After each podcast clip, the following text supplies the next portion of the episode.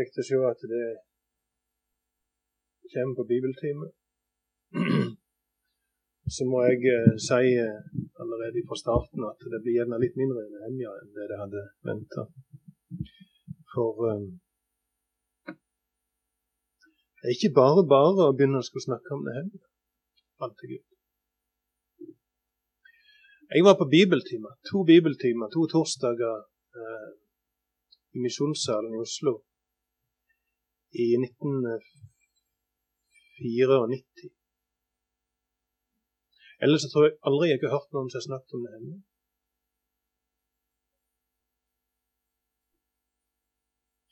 Jeg eh, søkte opp uh, 'Desiring God', som er uh, John Pipers i, uh, si nettside, med masse andakter og bibeltimer og masse forskjellig.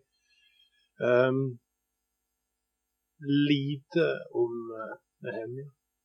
Han hadde noe om Nehemia kapittel 9. Jeg søkte opp uh, 'Insights for Living' med Charles Swindle. Lite om Nehemia. Han hadde en innledning overalt. Jeg søkte opp um, 'Grace to You' med John MacArthur. Der òg er det massevis. Uh, lite å finne. En kommentar, men det var altfor seint å bestille den. Um, Kjell Dalene, som har vært forkynner for NLM, reiser en del som frivillig ennå. Han er pensjonist. Han har skrevet ei bok om Nehemia. Ellers så vet jeg nesten ikke om det er noe særlig. Det er et ganske ubeskrevet blad, fant jeg ut.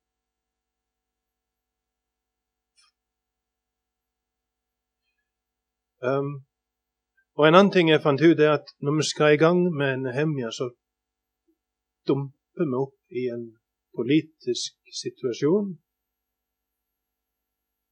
En, en sosial situasjon, en historisk situasjon som Hvis vi i det hele tatt skal ha noen forutsetninger for å forstå boka, så må vi forstå situasjonen. Hva er det som har skjedd? Hvor er Nehemia? Ehm, hva er det han vil? Hvordan går han fram? Hva er det som har skjedd tidligere som gjør at som han må ta hensyn til når han nå skal til Jerusalem og bygge opp igjen murene rundt byen? Hvorfor er ikke murene bygd opp allerede? Murene ligger nede i 140 år. Hvorfor er de ikke bygd opp igjen? Jo, det er noen som har prøvd å bygge dem opp igjen, men det ble stopp. Hvorfor ble det stopp? Um, hvordan vil kongen da reagere når Nehemja ønsker å bygge opp igjen disse murene? Hvorfor ble de revne i første omgang? Hva slags inntrykk har um, de store imperiene Hvordan, hvordan inntrykk har folk av, av folket i Israel? Så når vi skal inn i Nehemjas bok, så må vi, inn, og vi prøve å forstå situasjonen. Og Nehemja sjøl står i en veldig vanskelig situasjon. Det er på ingen måte selvsagt at han skal få et ja hvis han går til kongen og spør om å få reise og bygge opp igjen murene rundt Jerusalem, som ligger i ruiner. På ingen måte selvsagt.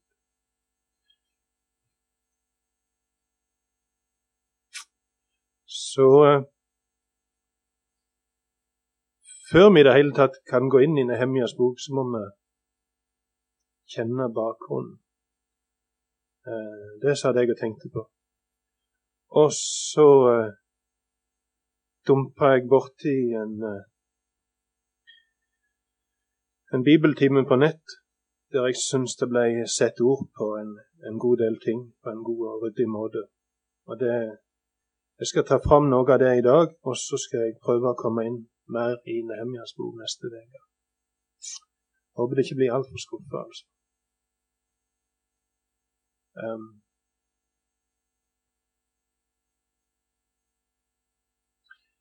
Og det handler om at Gud har valgt en litt spesiell måte å åpenbare seg sjøl på.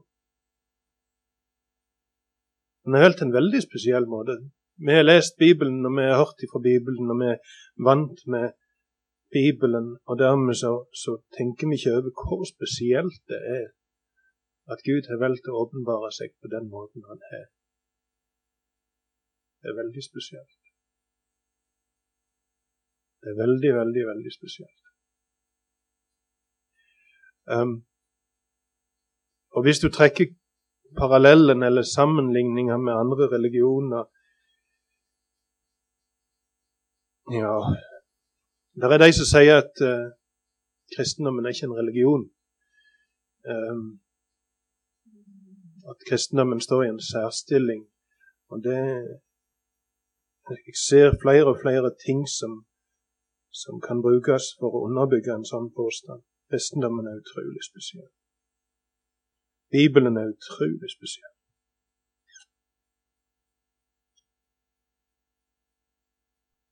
Når Gud vil åpenbare seg sjøl, så gjør han det gjennom eh, mange forfattere på, i løpet av en periode på 1500 år. Det har vi hørt før, kanskje, men tenk så spesielt det at når Gud skal åpenbare seg sjøl, så, så lar han den åpenbaringa gå over 1500 år. Og likevel, når vi leser den boka, så ser vi hvordan det er som en vev der trådene går inn i hverandre, og du finner et mønster der som du ser igjen der. Og, og det henger så utrolig i hop. Skrevet av hva er det, 40-50 forfattere på 1500 år.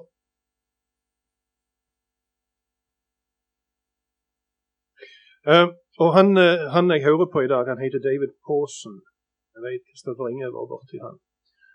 Han, uh, han snakker om 'unlocking the Bible' masse, masse bibeltimer som ligger ute på nett. Og jeg har hørt på litt av det, og jeg syns det er veldig bra. Det er, ikke alt jeg ville vært 100 enig i av det han sier, men det er veldig mye bra. Og han er veldig pedagogisk.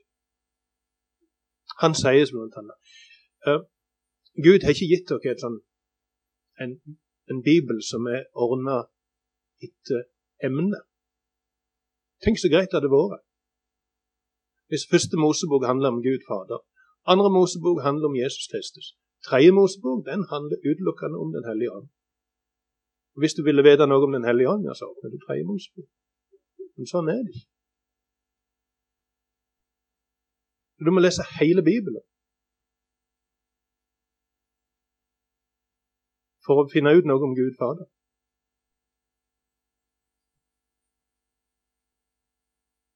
Du må se alle enkeltstående tekster i lys av helheten. Det gjør at det, gjør at det er et kolossalt prosjekt å trenge ned i Bibelen. Det, det er enormt. Så han har ikke gitt dere en åpenbaring sortert etter emner. Og han har heller ikke gitt dere en boks med tekster. Det kunne han òg gjort. Det sitter noen sånne bokser. Eh, du kan liksom bare stappe hånda oppi, så kan du ta ut et sånt mannakår. Det er veldig fint. Men det er ikke sånn Gud har gitt dere Bibelen. Han har gitt dere en bibel der alle disse tekstene, alle disse mannakårene, de står i en sammenheng. Og For egentlig å forstå denne, det mannakornet fullt ut, så bør du så bør du lese sammenhengen. Ikke bare, ikke bare, akkurat det avsnittet der det står, men du bør lese hele kapittelet. Og, og strengt tatt så bør du lese hele boka. Og I tillegg bør du helst vite noe om ja, når ble den boka til? Hva slags situasjon var det vi hadde da? Hva slags åndelig situasjon, politisk situasjon, økonomisk situasjon, sosial situasjon, hva, slags situasjon var Israel i når denne boka ble skrevet, eller akkurat den delen av denne boka ble skrevet? Et svært prosjekt. altså. Og det som òg er spesielt, er at Når vi skal inn i Nehemia-boka, så møter vi en mann som kunne sin bibel. Så, så, så Nehemia han, han var veldig opptatt av Moses. Han var påvirka av det han hadde lest om Moses.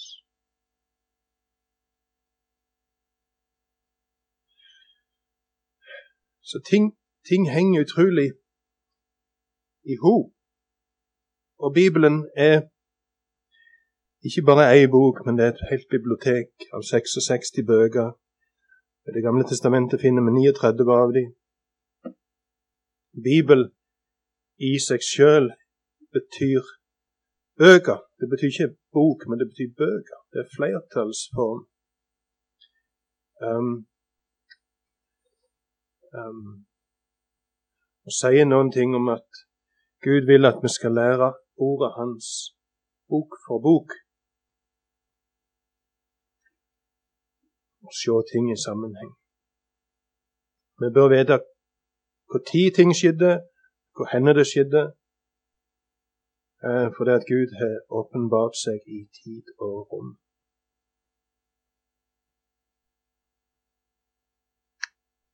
Gud har åpenbart seg i tid og rom. Um, det syns kanskje ikke vi er så veldig spesielt, men hvem er det som kan gjøre det? Hvorfor en Gud er det som kan åpenbare seg i tid og rom? Snakke inn i en situasjon, gripe inn i historien. Gjør et eller annet i historien. Hvem er det som kan gjøre det? Og, og hvem er det som kan fortelle om noe som skal skje seinere? Så måten Gud har åpenbart seg på Han forteller om ting som skal skje. Det forteller at han er allvitende. Han er historiens herre. Han kan fortelle hva som skal skje, og ingen kan hindre den tingen i å skje hvis Gud har sagt at det skal skje. Han er historiens herre, han er allmektig, han er allvitende. Han kan gripe inn i historien, og derfor Ikke at jeg oppmuntre dere til det, men hvis det hadde gått hjem og åpna Koranen og lest den, så ville det sett at den er en helt annen type bok. Koranen er ikke at Gud griper inn, eller Allah griper inn i, i tid og rom. Forteller ikke om ting som skal skje. Kan ikke gjøre det. En kan ikke gripe inn i tid og rom. En kan ikke, en kan ikke stoppe en her. En kan ikke få en mur til å rase som Gud kan.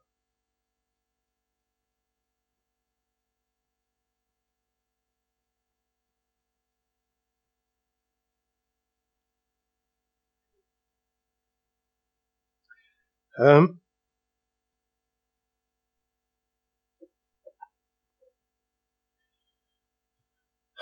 så det er, en, det er en geografisk sammenheng som tekstene står i. Og jeg printa ut noen, noen kart. Det er kanskje ikke noe revolusjonerende, men skal vi dele de ut, Kristoffer Inge, så kan jeg egentlig gjerne bare dele ut alle de arkene. Så, så ser vi um, Hvis jeg finner fram det arket der det er noen kart her på, så kan vi se på noen viktige ting.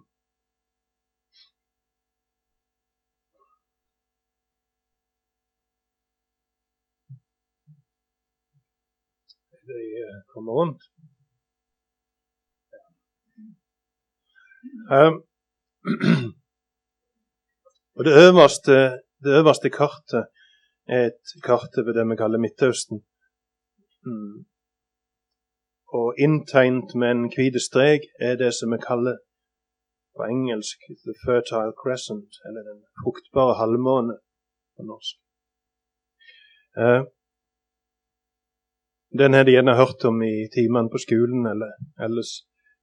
Det er iallfall et, et vanlig uttrykk. Um, og det sikter til at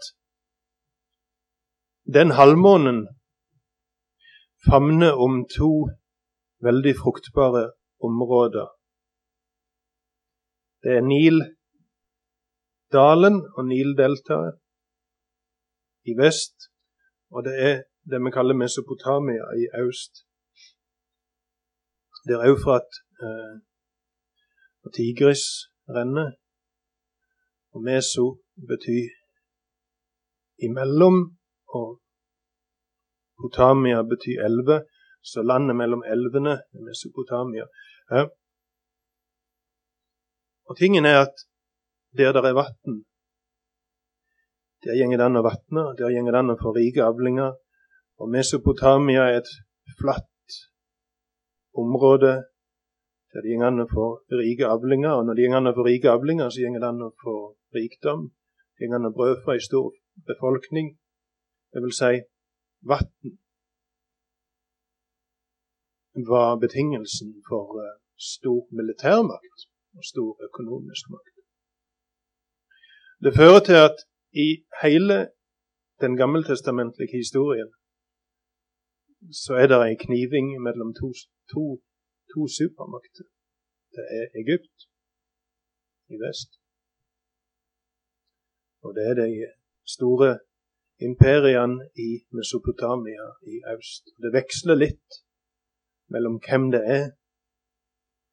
Um, det begynner med Asyria, det mektigste riket, med hovedstad i Ninive. Uh, Seinere overtok Babylon, hovedstad lenger sør. Og så overtok igjen Media Persia uh, etterpå. Hovedstad i Babylon og i og i Susa lenger sør. Så disse, disse to imperiene kniver om verdensherredømme. Dette er egentlig verden. Alt annet var uinteressant. De kniver imot hverandre, disse to. Eh, eh, Egypt og eh, Asyria, skråstrek Babylon. De kniver om hvem som har overtaket. Og, hvis det ser hvis en her skulle ifra Egypt for å slåss imot Babylon, f.eks., så var det i praksis bare én vei. Det var langs kysten, opp gjennom Israel, um, krysste de Jordan, kanskje der med rett nord for Genesaretsjøen, og så var det østover for å ta Babylon eller Ninive. Og Motsatt, hvis de kom fra Ninive, så var det akkurat samme veien. Så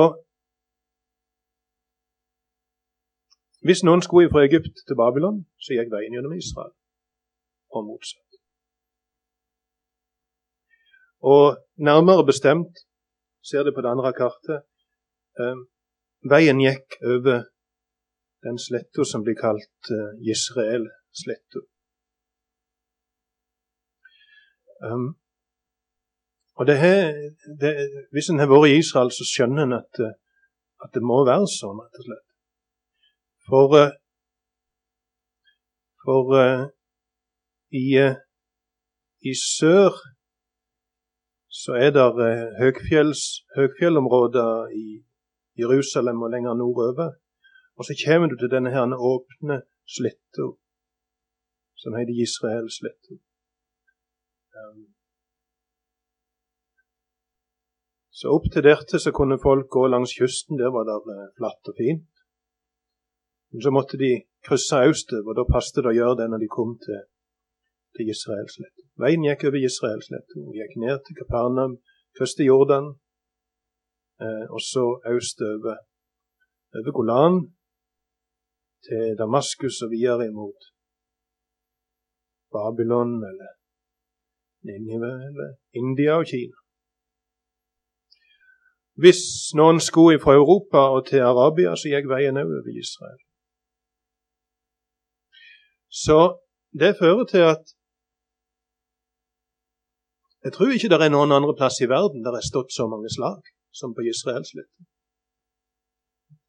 Eh, Israel ligger der, skvist inn imellom to supermakter. Um, og av og til så er de med i krigen, av og til er så står de og ser på. når supermakten slåss på Israels Rett etter meg, eller i, i, i kanten av Israelsletta ligger der en, en høgde som heter Megiddo. En by på denne høgden som heter Megiddo. Og jeg leser om Megiddo at de har drevet utgravninger der, og de finner 20 lag. Så Megiddo har vært bygd, blitt ødelagt, blitt bygd opp på nytt, ødelagt, bygd opp på nytt, ødelagt 20 ganger. Det sier noe om hvor gammel den byen er. Det sier noe om hvor viktig det var å ha en by akkurat der, for han kontrollerte handelen fra nord til sør, fra øst til vest. En utrolig viktig by. For Megiddo, haugen på hebraisk, heter Harmageddon. Og Da skjønner vi at Bibelen har varsla at det skal stå et slag til på Harmageddon, Israels letto. Når du, Jeg var der i sommer. Når du kommer, så ser du Israel ligge der. Eh, Bort i vest så ser du eh, Karmelfjellet reise seg. Du ser eh, Tabor som en sukkertopp i, i, i øst. Så gjenger veien over, over kanten og ned imot Kana, videre ned til Tiberias og Kapernaum. Israel-dalen gjenger slag og fin ned til Jordan. Der gikk veien fra Europa til oss, til Arabia før. Og Israel ligger, Israelsletta ligger der ca. kanskje halvannen mil breie. En ypperlig plass til å slåss med hester og vogner. Um, Joshia mista livet der. Saul mista livet der. Korsfarerne slåss der. Britene slåss der. Og utallige andre slåss på Israels ledd. Um, så de store hærene gikk over den sletta. Um, handelsveien gikk over den sletta. Og rett i kanten av Israelsletta ligger der en landsby, eller nå er det en by som heter Nasaret. Og en gutt som vokste opp i Nasaret, han kunne ligge på høgden og så kunne han se utover Israels litt. Og der så han um, en karavane fra Europa. Eller han så en karavane fra Arabia på vei nordover. Han så uh, babylonere på vei imot Egypt. Han så egyptere på vei imot Babylon. Og han lever egentlig i verdens veikryss. Verdens veikryss er på Israelsletta. Og Jesus vokste opp der midt i, midt i krysset omtrent. Ja, og Når du ser dette, eh, hvis du ser på det første kartet, det øverste kartet, så står det inntegnet basalt rock.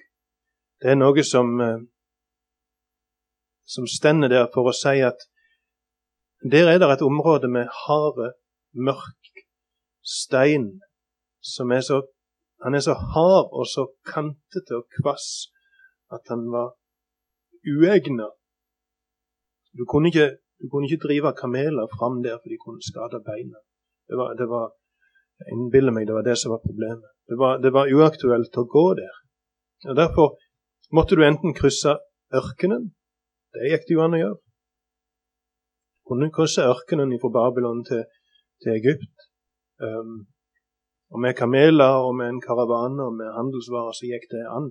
Men når du har en hær med 50 000 mann som skal ha mat og vann, skjønner du at ørkenen er ikke å anbefale. Da måtte de legge veien en plass der det var gras og vann og mat til folk.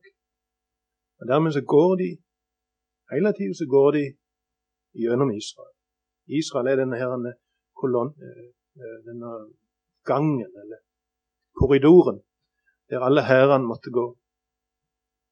Og Det gjør at Israel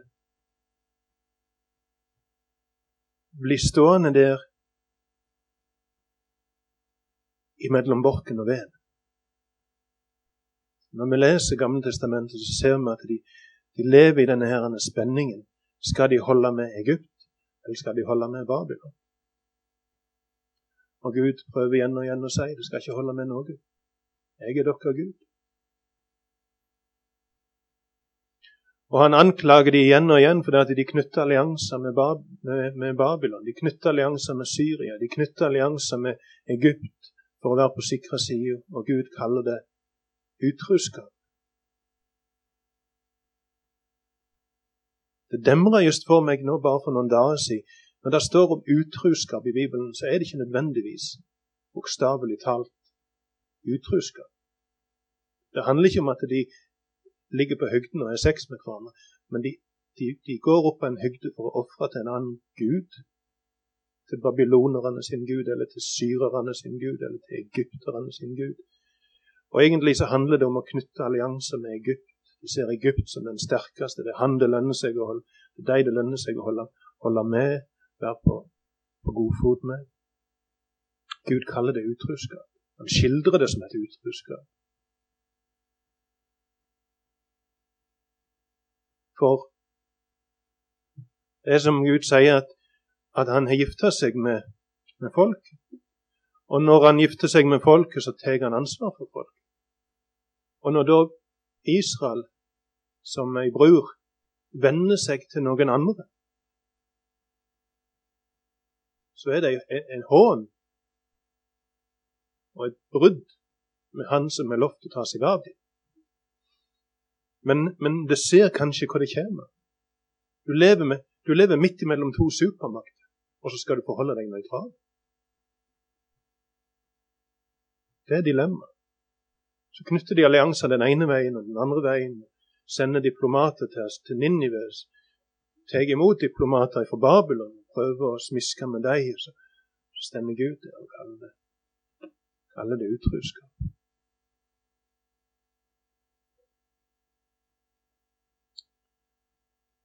Um, det vi ikke ser så godt på kartet, men som, som er tilfellet, det er at Jordan-elva renner i ei djupe, en djup dal. Du veit det hvis du har vært i Israel og kjørt, kjørt rundt. Jeg har gjerne vært i Jerusalem på ca. 900 meter, er det det? Og så kjører du ned til Jeriko. Det er, er det ca. tre kvarter å kjøre. Og fra 900 over havet så har du kommet ned til 400 meter under havet. Um, så Jordandalen er fryktelig djup. Sjøl, sjøl uh, Genesaretsjøen ligger vel 120 meter under havoverflaten. Og Jordan springer ut opp i Hermon, i, i, i, i fjellsida der med, under Hermonfjellet, og renner ned. Og når de kommer til Dødehavet, så, det, så fordamper det alt i hop. Så det er ikke utløp fra Dødehavet. Det fører til at Israel I Israel så finner du alltid fra den snødekte Hermon du kan på, du kan reise til Hermonfjellet og gå på ski. Og når du er ferdig med å gå litt på ski, så kjører du ned til Ja, du kan kjøre ned til, til, til Haifa, eksempel. Nede i den bukta som vi ser der oppe. Du kan gå og legge deg på ei strand der. Eller du kan gå og bade i Genesaretsjøen. Du finner foretre med sida av palme. Du finner all verdens flora og fauna samla, skvist inn i ett land, størrelse med, størrelse med Wales. Jeg vet ikke hva vi sammenligner det med i Norge. Vet det? Er det noen som vet det? Hedmark fylke, ja. Størrelse med Hedmark fylke. Et lite land med en kolossal naturrikdom. For det at du finner høgfjellsområdene, høgderyggene, Du finner den snødekte høye toppen Hermon. Du finner, du finner de eh, Du finner sandstrendene, spesielt rundt Tel Aviv. Gjerne. Eh, du finner planter, dyr og fugler fra Asia og fra Afrika og Europa. Og for den som er fugleinteressert, i alle fall Jeg er litt fugleinteressert. Så er det utrolig spennende å reise til Israel. Det er, det er så mye løye å se. Altså. Fugler som egentlig hører hjemme i Europa, finner du der. Fugler fra Afrika finner du der. Fugler fra Asia finner du der. Så hvis en skal reise én plass for å se masse forskjellige fugler, så er Israel en av de beste plassene i verden.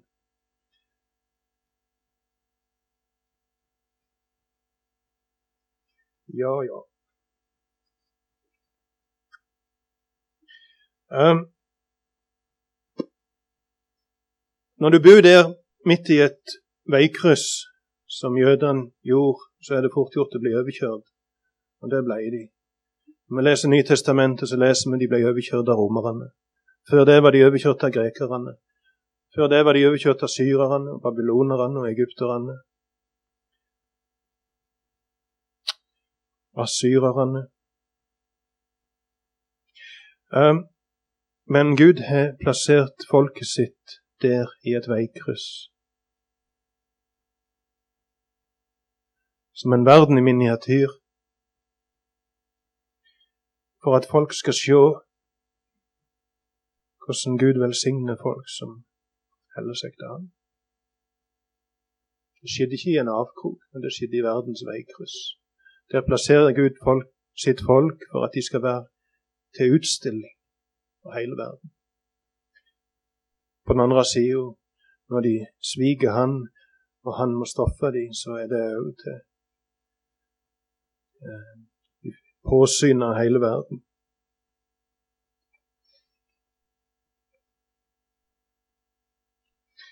Um, og så ser det egentlig at det ser noe av grunnen til at, at i Bibelen så blir Galilea kalt hedningenes Galilea.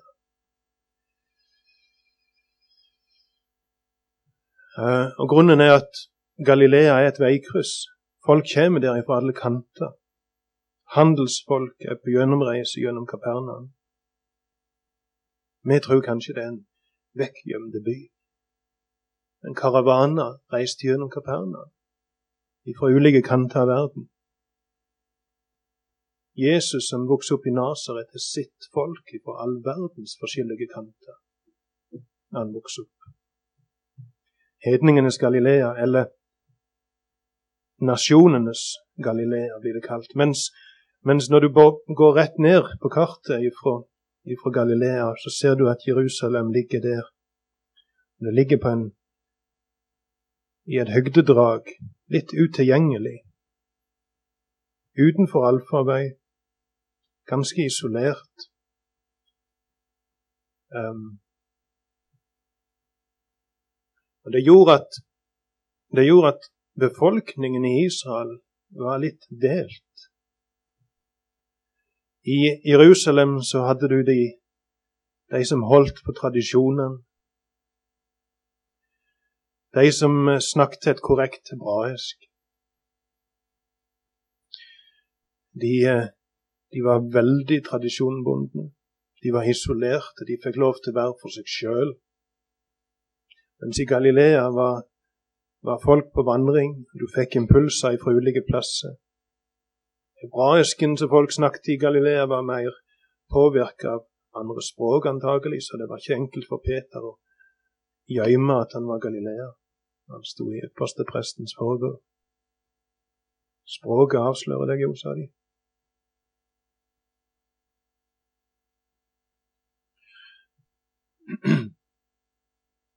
Så det var en, en forskjell i mentalitet, i kultur, i språk, mellom folket fra Galilea og folket fra Judea.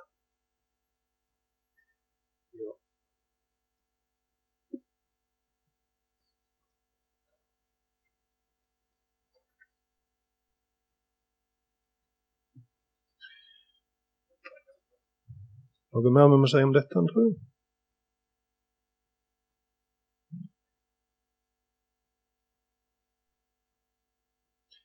Så Galilea er et område der folk er på gjennomreis. Der du mottar uh, impulser og ser folk, um, hører ulike tungemål. Judea er det isolerte området. Og folk ble preget av det. Så det var på en måte geografien som det kan være greit å ha, for, ha klart for seg. Så er det noe med, med tida. Og da har jeg med denne. Den ser kanskje litt uh,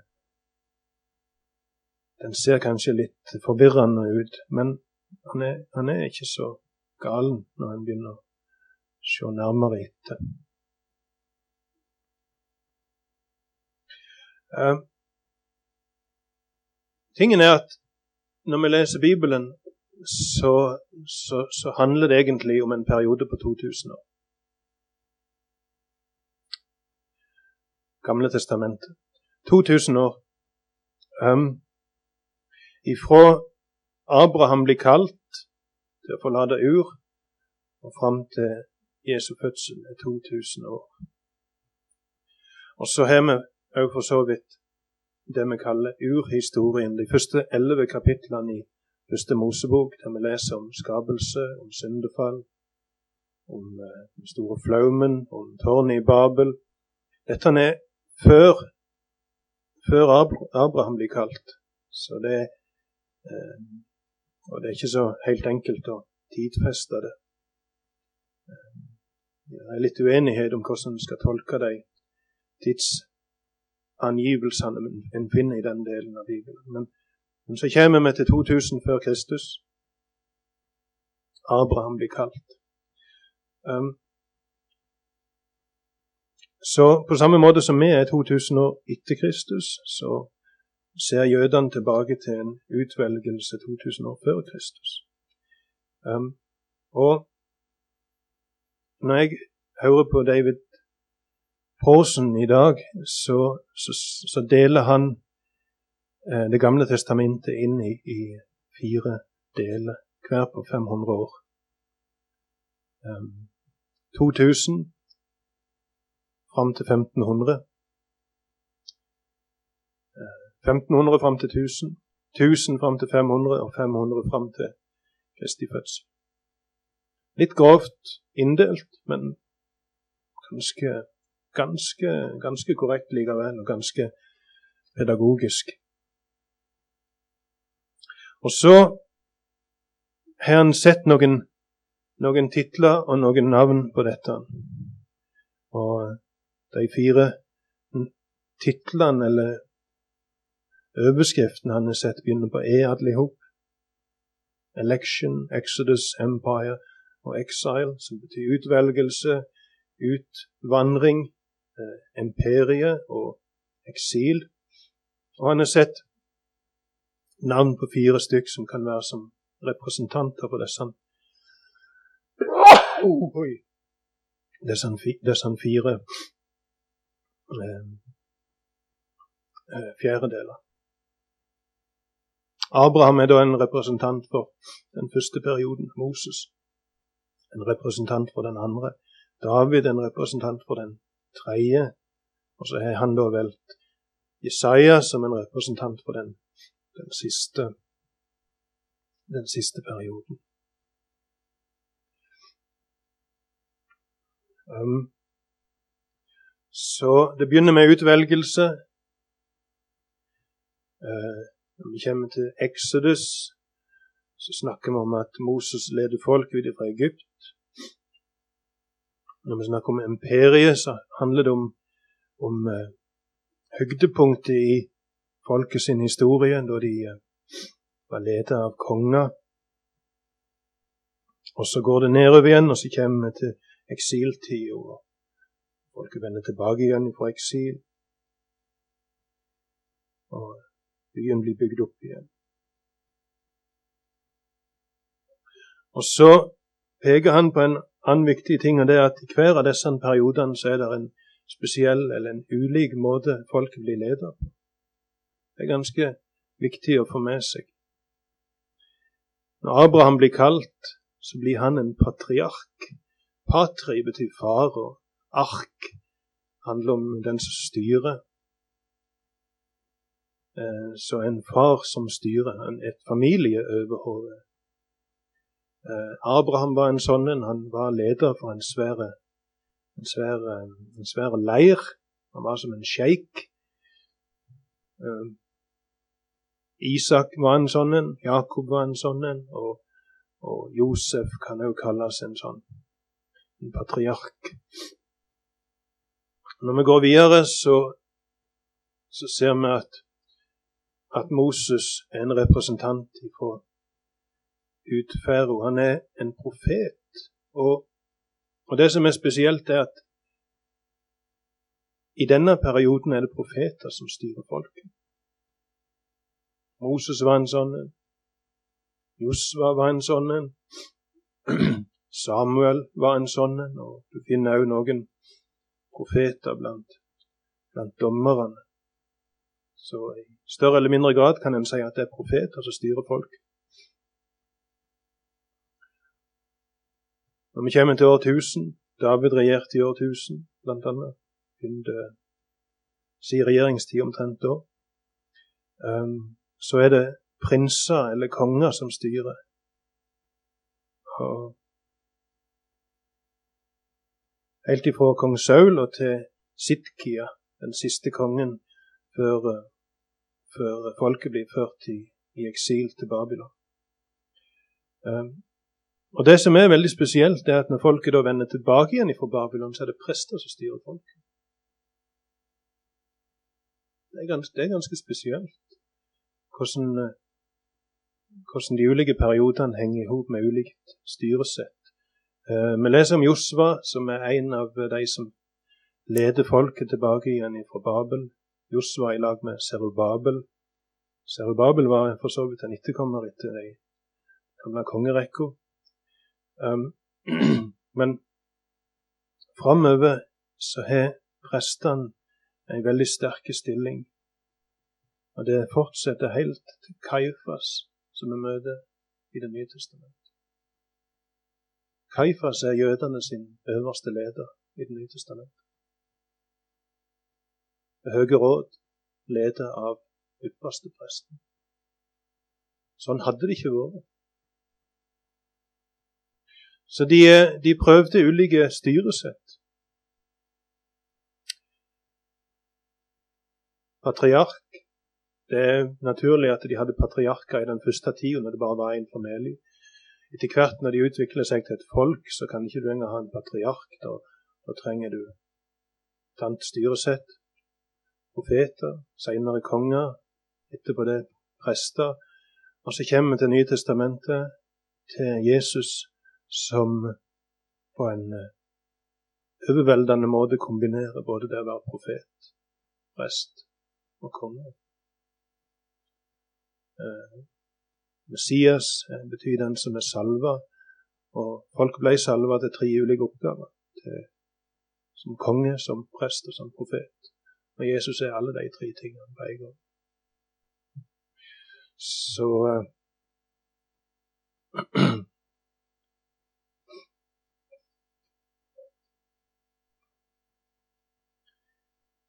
ja. Så ser du at det er to uh, gap, blir det kalt i denne modellen. 400 år lange gap. Ja. Der Gud er stille, rett og slett.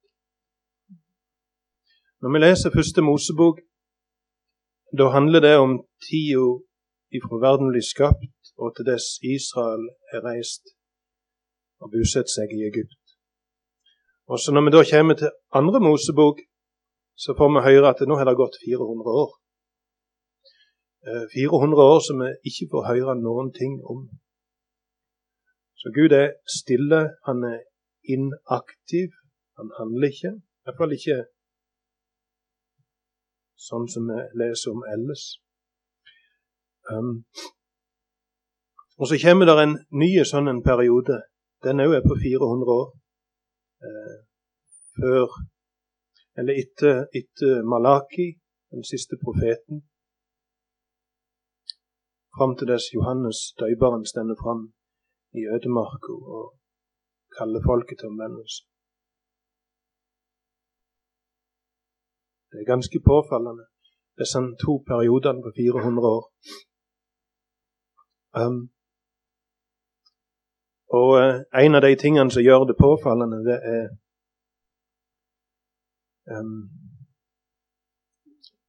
likhetene du kan trekke mellom Moses, som leder folket ut fra Egypt etter en 400 år lang taushet, og Jesus som kommer og frelser folket etter en 400 år lang taushet. Uh, likheten mellom disse to periodene eh, burde åpne øynene våre for å se etter hva slags likheter finnes det mellom Moses og Jesus. Og det er mange. Det er mange likheter der.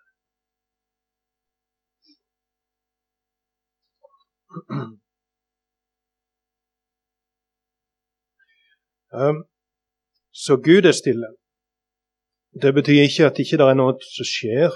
Um, i, uh, nederst i disse her, uh, kolonnen så ser du at Egypt og India og Kina blomstrer og utvikler seg i den første perioden.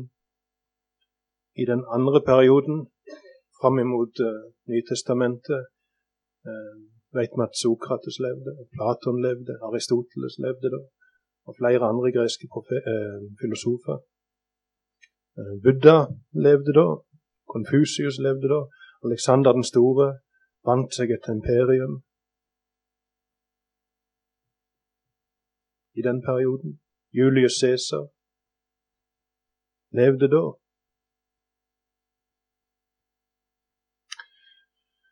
Så Gud er stille, men folk er i høyeste grad aktive. Ja.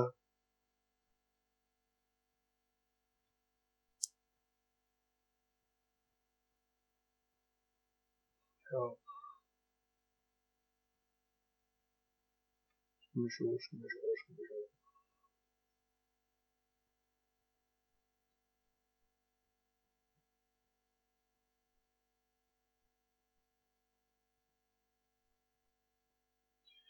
Um,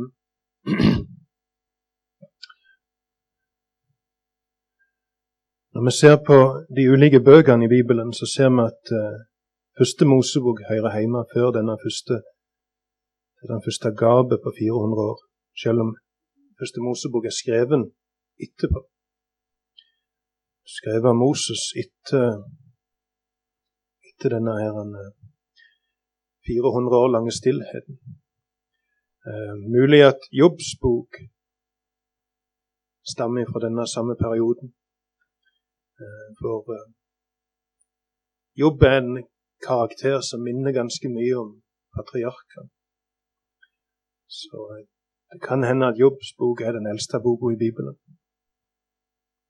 Og at handlinga stammer fra Abraham, Isaks og Jakobs tid. Så vi har ei bok derifra.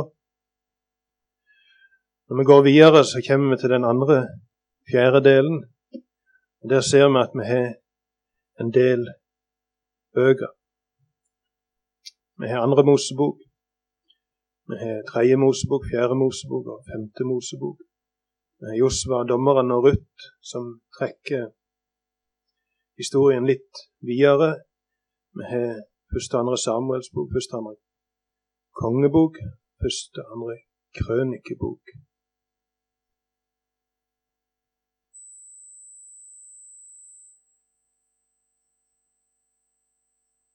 Stemmer det? De hører vel hjemme i neste kolonne, gjør de ikke det? De siste der. Ja, ja. Jeg tror det er en feil.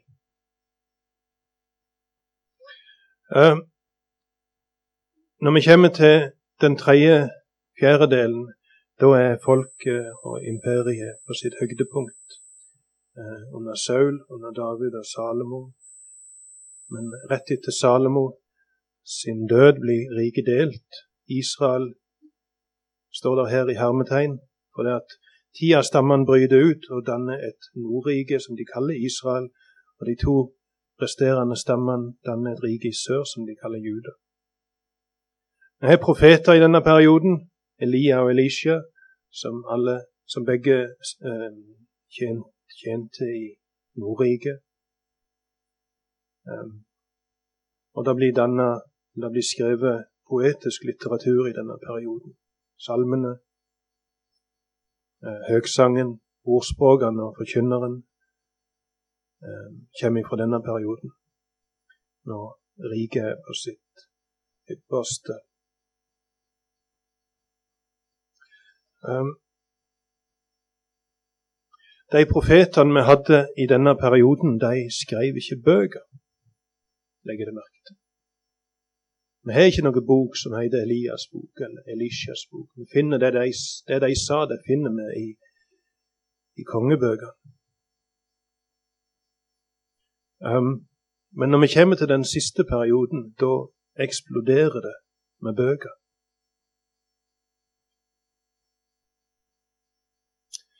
Um, og da, for, for, å kunne forstå disse profetene, så er det en fordel at vi, vi spør oss sjøl eh, F.eks. hvis du skal i gang med å, å lese ei profetbok, så må du spørre deg sjøl virker denne profeten før eksilet, eller under eksilet, eller etter eksilet. Det er helt avgjørende for i det hele tatt å kunne forstå profetboka. Og Du bør òg spørre deg virker denne profeten i sør eller i nord.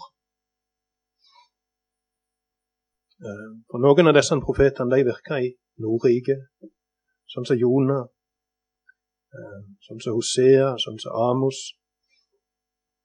Virker i Nordriket, prøver å advare folket der imot asyrerne som vil komme og ødelegge hvis ikke, de, hvis ikke folk omvender seg.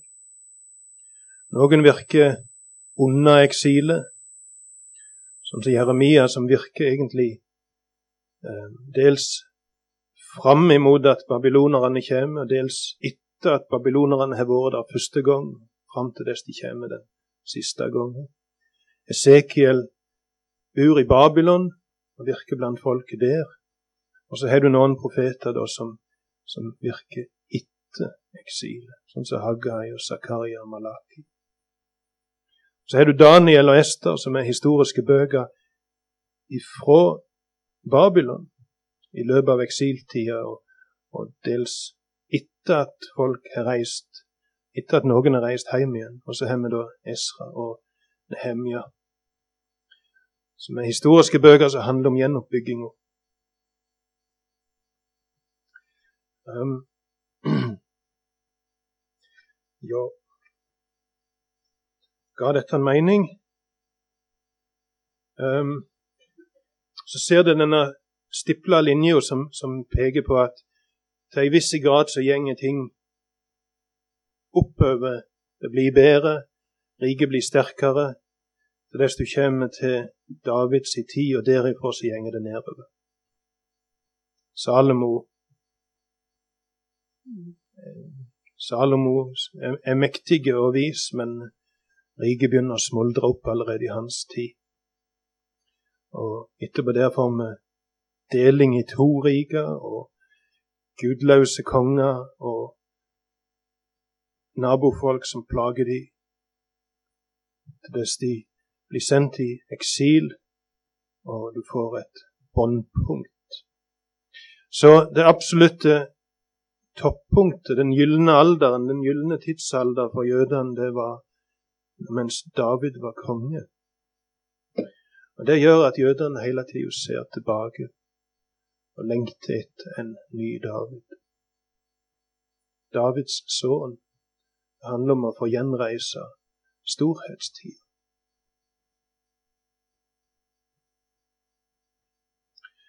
Um, og Jesus sine disipler Det siste de spurte han om før han for opp til himmelen, det var når vil du gjenreise riket?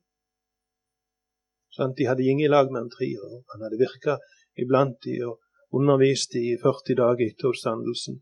Og Rett før han skal fare opp til himmelen, så viser de de har ennå ikke skjønt at han ikke har tenkt å gjenreise et politisk, økonomisk og militært rike sånn som David hadde. Når vil du gjenreise riket? Det satt ufattelig djupt i jødene, og de spør seg ennå når Davids sønn skal komme og gjenreise riket. Og antagelig, etter seg jeg har forstandet, jødene sin jødene sitt uslåelige argument for at Jesus ikke er Messias, er at storhetstida ikke kom. Storhetstida kom ikke med Jesus. Han kan umulig være Messias. For dem er det et uslåelig argument.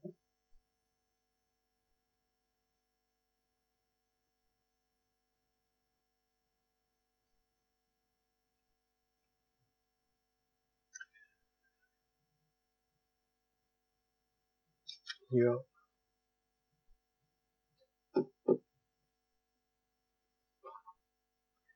Så Se om dere klarer å ha denne i Enten for enkelhets skyld bare legge den i Bibelen, eller lære dere denne. Og, og, og eh, når dere skal i gang med ei bok, så må dere prøve å, å, å, å danne dere en oppfatning om hvor henne den boka hører til, så dere kan forstå best mulig.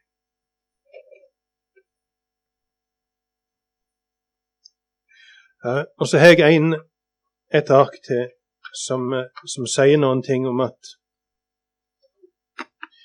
i Norge så, så, deler vi Bibelen inn på en annen måte enn det jødene gjør. De deler Bibelen inn i loven, profetene og skriftene. Vi deler Bibelen inn i historiske bøker, poetiske bøker og profetiske bøker. Noe kaller vi store profeter, noe kaller vi småprofeter. Uten noen annen grunn enn at de store profetene det er de som har, latt etter seg ei store bok. Det betyr ikke nødvendigvis at de var viktigere enn de som vi kaller småprofeter. Um, og De historiske bøkene de stender til å begynne med i Bibelen og går fra første Mosebok og utover. Kronologisk. Det er ganske ryddig og greit, egentlig. Men problemet er jo at vi da, når vi kommer til de profetiske bøkene, så vet vi ikke hvem de hører til i sammenheng.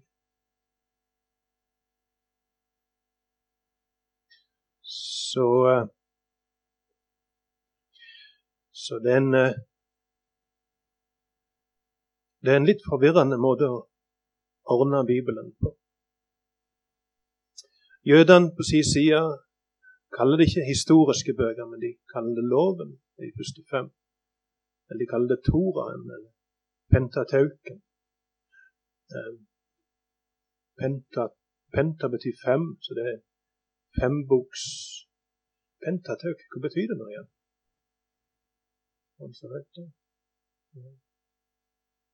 Jeg vet penta betyr fem. Så Det handler om at det er fem bøker. Uh, og så gir de disse bøkene navn etter den, første, de første ordene i bøkene. Og Når vi ser på profetene, så skiller de ikke mellom de store profetene og de små profetene, men de skiller mellom de tidligere og de senere. Og Det du ser nå, når du ser på de tidlige profetene, det er at de kaller Josva dommerne, Samuelsbøkene og kongebøkene for profetiske bøker. Det er litt spesielt. Vi ville sagt det var historie. De sier det er profetisk. Vi vet at det var profeter på den tida. Josva var jo en profet. Ehm, Samuel var en profet. Ehm, mens vi er vant med å tenke at dette er historie. Men men tingene at det vi leser av historie i Bibelen, er ikke først og fremst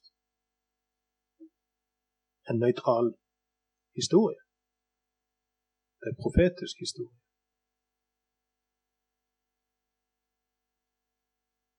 Det er noe som står der med en hensikt, en profetisk hensikt. Det, det står der for å føre folk nærmere Gud.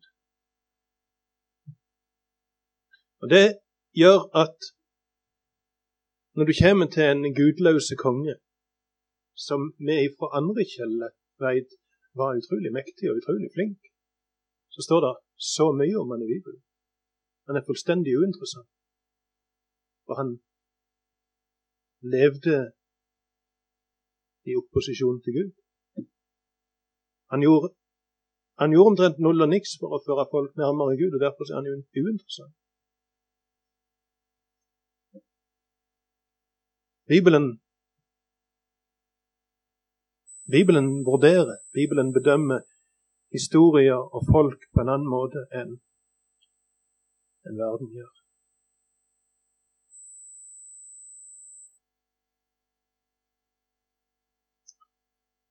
Så i alle historieverk så må en gjøre et utvalg, og en må da prøve å koble det. De, de delene en er valgt å ta, i, ta med, de må en prøve å koble i hop på en eller annen måte, se noen sammenhenger. Bibelen veler ut ting ut ifra hva som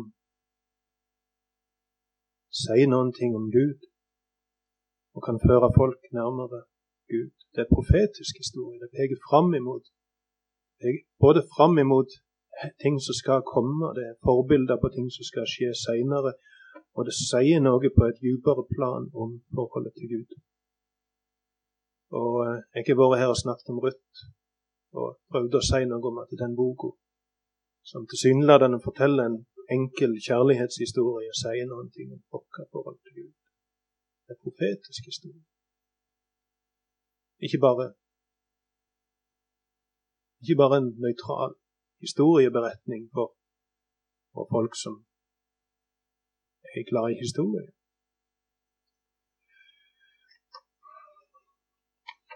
Ja.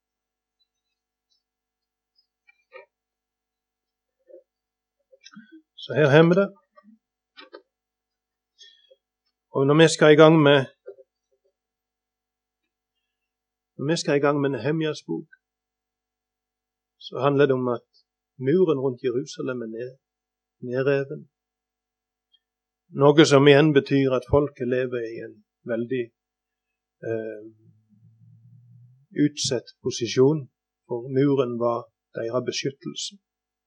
Muren var deres anledning til å bestemme hvem som skulle få komme inn i byen, og ikke. Så de er ubeskytta. Um, hvem som helst kan komme inn i byen og gjøre, gjøre hva som helst. Um, men når denne muren skal bygges opp igjen, så skjer det med, med et bakteppe av hendelser som er skjedd 140 år tidligere. Den gang muren ble nedrevet. Det var en grunn til at den muren ble nedrevet. Folket tedde seg på en bestemt måte 140 år tidligere. Det hadde skjedd en del ting i mellomtid i løpet av disse 140 årene. Du hadde hatt et eksil på 70 år, og så hadde folk kommet tilbake. De hadde begynt å bygge opp igjen. Det var fiender der som så Israel som en trussel, både økonomisk og militært, åndelig, og var sterkt imot at denne muren skulle bygges opp igjen. Um, og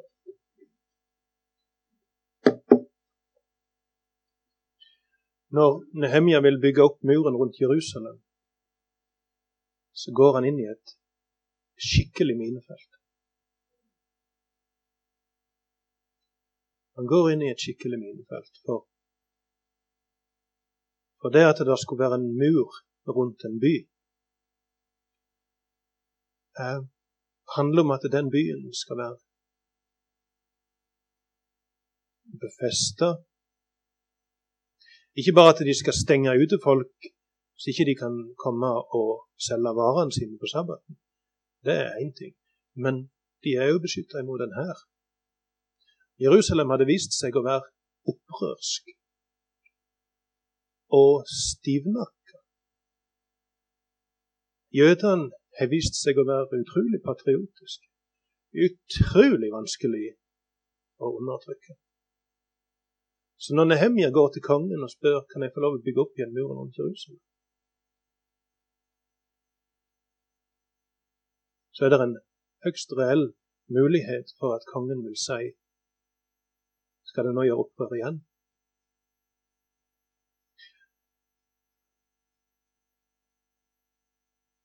Og Derfor, når Nehemja får høre at muren er nedrast, så begynner han å faste og be. Fire måneder seinere drøfter han dette med kongen. Han er fasta han er bedt i fire måneder. Han veit dette her er touchy business. Altså.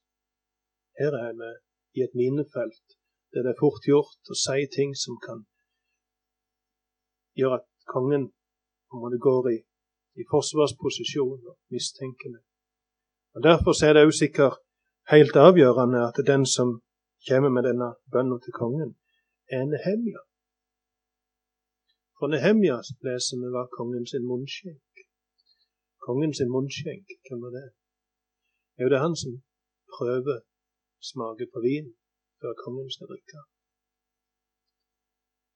Og med hoffene i den tida så var det intriger og mordforsøk.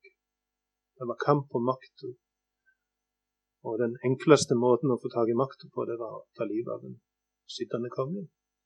Og en av de enkleste måtene å ta livet av en konge var å forgifte. Så kongen hadde en munnskjenk.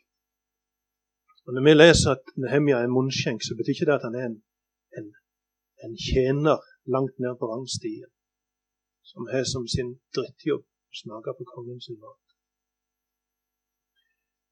Når det står at Nehemja er munnskjenk, så betyr det at han er kanskje den mest betrodde mannen kongen er.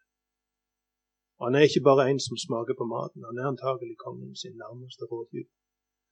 Han har en skyhøy stilling i riket. Skyhøy. Og han er antagelig styrtrik. Det ser vi seinere når vi leser om Nehemja. Han er styrtrik. Han har kolossale ressurser å ta av til sjøl og pøse inn og bruke av sine egne oppsparte midler for å brødfø 150 mann som han har i sin tjeneste når han blir guvernør i Jerusalem. Han er ikke noen hvem som helst. Han er rik av god familie. Sikkert av folk som har tjent kongen i generasjoner.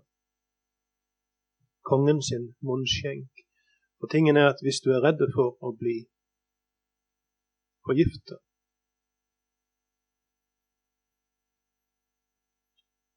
Jeg mener jeg leser at far til denne kongen ble drept. Snikmyrda på slottet sitt. Så, så denne kongen, Artaserkses, han er redd for å bli myrda. Og hvem setter du til å prøvesmake maten? Det er ingen som har så stor anledning til å drepe kongen som kongens munnskjenk. Det er bare til å forsyne seg på den enden av tallerkenen som du vet er uten gifte. Så hvis, hvis kongen oppnevner noen til å være munnskjenk, så betyr det han er den mest betrodde mannen kongen vet om. Og dermed, når det er Nehemja som ber om å få reise murer rundt Jerusalem, eh, da er det kongens mest betrodde mann som spør. En som kongen er 100% sikker på den mannen er lojal. Hvis det hadde vært en antydning til mistanke om at Nehemja var illojal mot kongen, så hadde han ikke fått lov å bygge muren. Kongen vet at Nehemja er 100% lojal. Jeg kan stole 100% på den mannen. Og dermed så får han lov til å gjøre noe som egentlig er fryktelig eh, problematisk. Han spør egentlig om å få gjøre Israel eller Judea sin hovedstad om til en befesta by. Og det er starten på ei gjenreising av Israel som ei økonomisk, politisk, militær og åndelig selvstendig makt. Det, det Nehemja holder på med, det er kolossalt viktig. En milepæl, en, en utrolig viktig milepæl i Israels historie, det som er Nehemja. De hadde fått lov til å ha en tempel, men de fikk ikke lov til å ha en mur.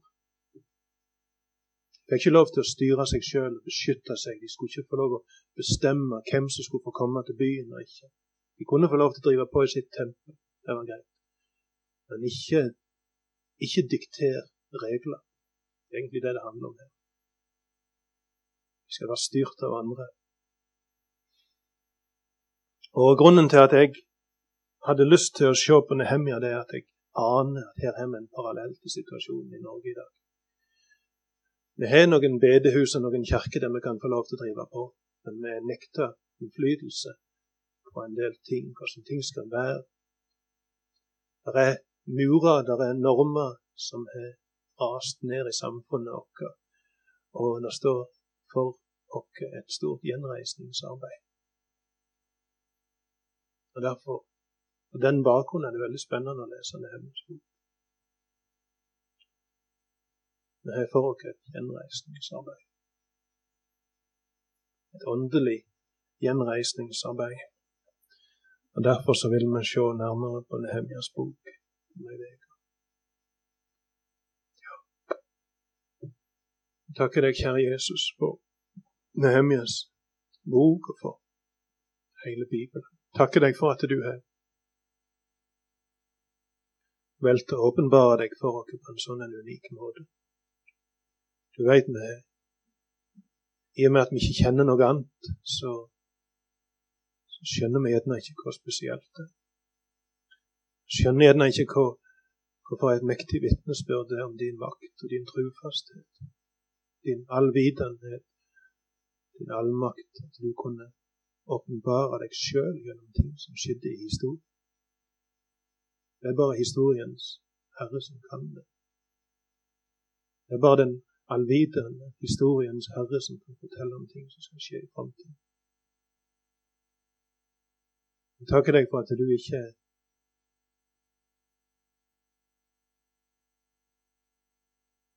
vekkreist, sånn som noen mener at du skapte verden og overlot dere til dere sjøl. Du er grepet inn i historien igjen og igjen.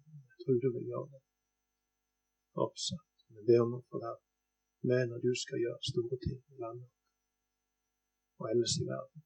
Jeg takker for Nehemja som forlot en god stilling for å bære murstein i lag med vanlige folk i Jerusalem.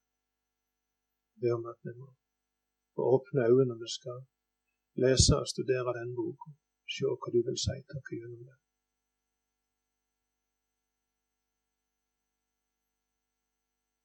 Be Herre om at du må gjøre oss glad i Bibelen. Be om at du må sende en mektig bibelvekkelse over Norge. Vi kan hungre og tøste etter å lese ordet ditt og oppleve din velsignelse. Når vi tar til oss av ordet Takker deg for det som skjer i misjonssalen. Takker deg for det som skjer her, andre plasser der det er bibeltid. Folk kommer for å høre om det. Høre om bli mer kjent med Bibelen. Og Jesus, er, det er ikke ei enkel bok, egentlig. Derfor så trenger vi mye hjelp både fra hverandre og fra deg til å forstå det som du vil si oss. Hjelp oss til å stole på det som står. Hjelp oss til å hungre og tyste. Til å se mer av deg, hvordan du tenker. Gi ikke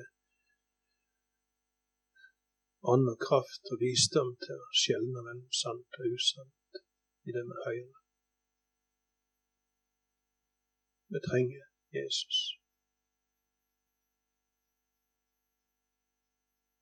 Et folk som kjenner til hva som står i Bibelen, sånn at vranglære og lureri blir avslørt og ikke får makt over. Gjør ikke det, Jesus. Amen.